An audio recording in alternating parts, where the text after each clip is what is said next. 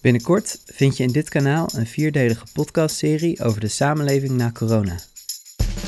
Het land gaat steeds verder open, de economie herstelt zich, maar de vraag is of iedereen daarvan mee profiteert. Worden sociale ongelijkheden kleiner of juist groter? Mijn naam is Adriaan de Jonge. Ik ben redacteur bij vakblad Binnenlands Bestuur en de maker van deze serie. De komende minuten hoor je een voorproefje van de podcast die je vanaf volgende week kunt verwachten.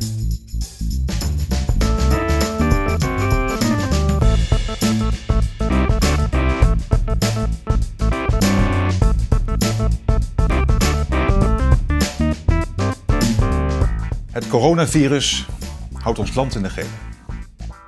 Nederland gaat op slot. Nederland heeft maandenlang in lockdown gezeten om de verspreiding van COVID-19 te beperken. De impact daarvan op de samenleving is moeilijk te overschatten. Binnen enkele weken is ons dagelijks leven drastisch veranderd. De rek is er echt uit. Het coronavirus raakt ons allemaal.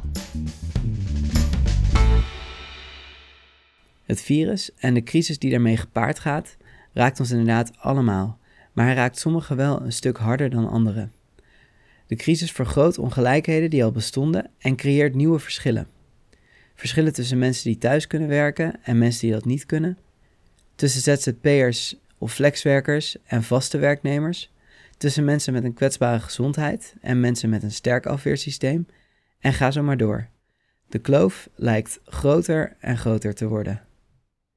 Maar de ongelijkheden bestonden al langer. In de jaren voor de coronacrisis schoot de werkgelegenheid omhoog en groeide de economie flink. Toch blijft het aantal mensen dat onder de lage inkomensgrens leeft al jaren gelijk, net als het aantal huishoudens met problematische schulden.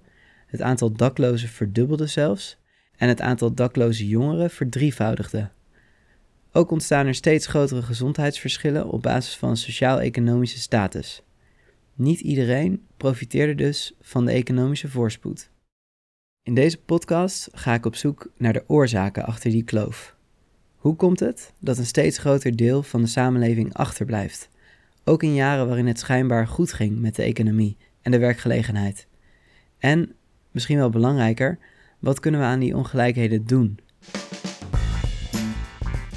Het onderwerp van de eerste aflevering is bestaanszekerheid.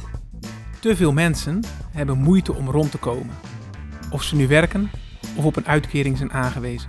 Jongens, we hebben het hier gewoon over een grondrecht uh, en het betreft echt heel veel mensen. Dat moet anders. De gemeente geven Den Haag de schuld. Den Haag zegt dat is de verantwoordelijkheid van de gemeente. Intussen staat de burger met zijn rug tegen de muur. Daarna komt de schuldenproblematiek aan bod. Um, ik ben meteen na mijn achttiende uh, flink in de schulden gekomen. Dus die stress, die geldzorgen, doen ook iets in je koppie met hoe je functioneert. Je krijgt gewoon een tunnelvisie. De derde aflevering gaat over dak- en thuisloosheid. Het is de meest ernstige vorm van maatschappelijke marginalisatie. Uh, ze hebben problemen met hun gezondheid. Um, vaak hebben ze psychische problematiek. Kenmerkend is dat we op die manier mensen eigenlijk langzamerhand door het bureaucratisch stelsel naar de rand van de samenleving duwen. En tenslotte hebben we het over gezondheidsverschillen. Wat je ziet is dat er een hele stevige relatie is tussen uh, gezondheidsklachten en uh, stress als gevolg van geldzorgen.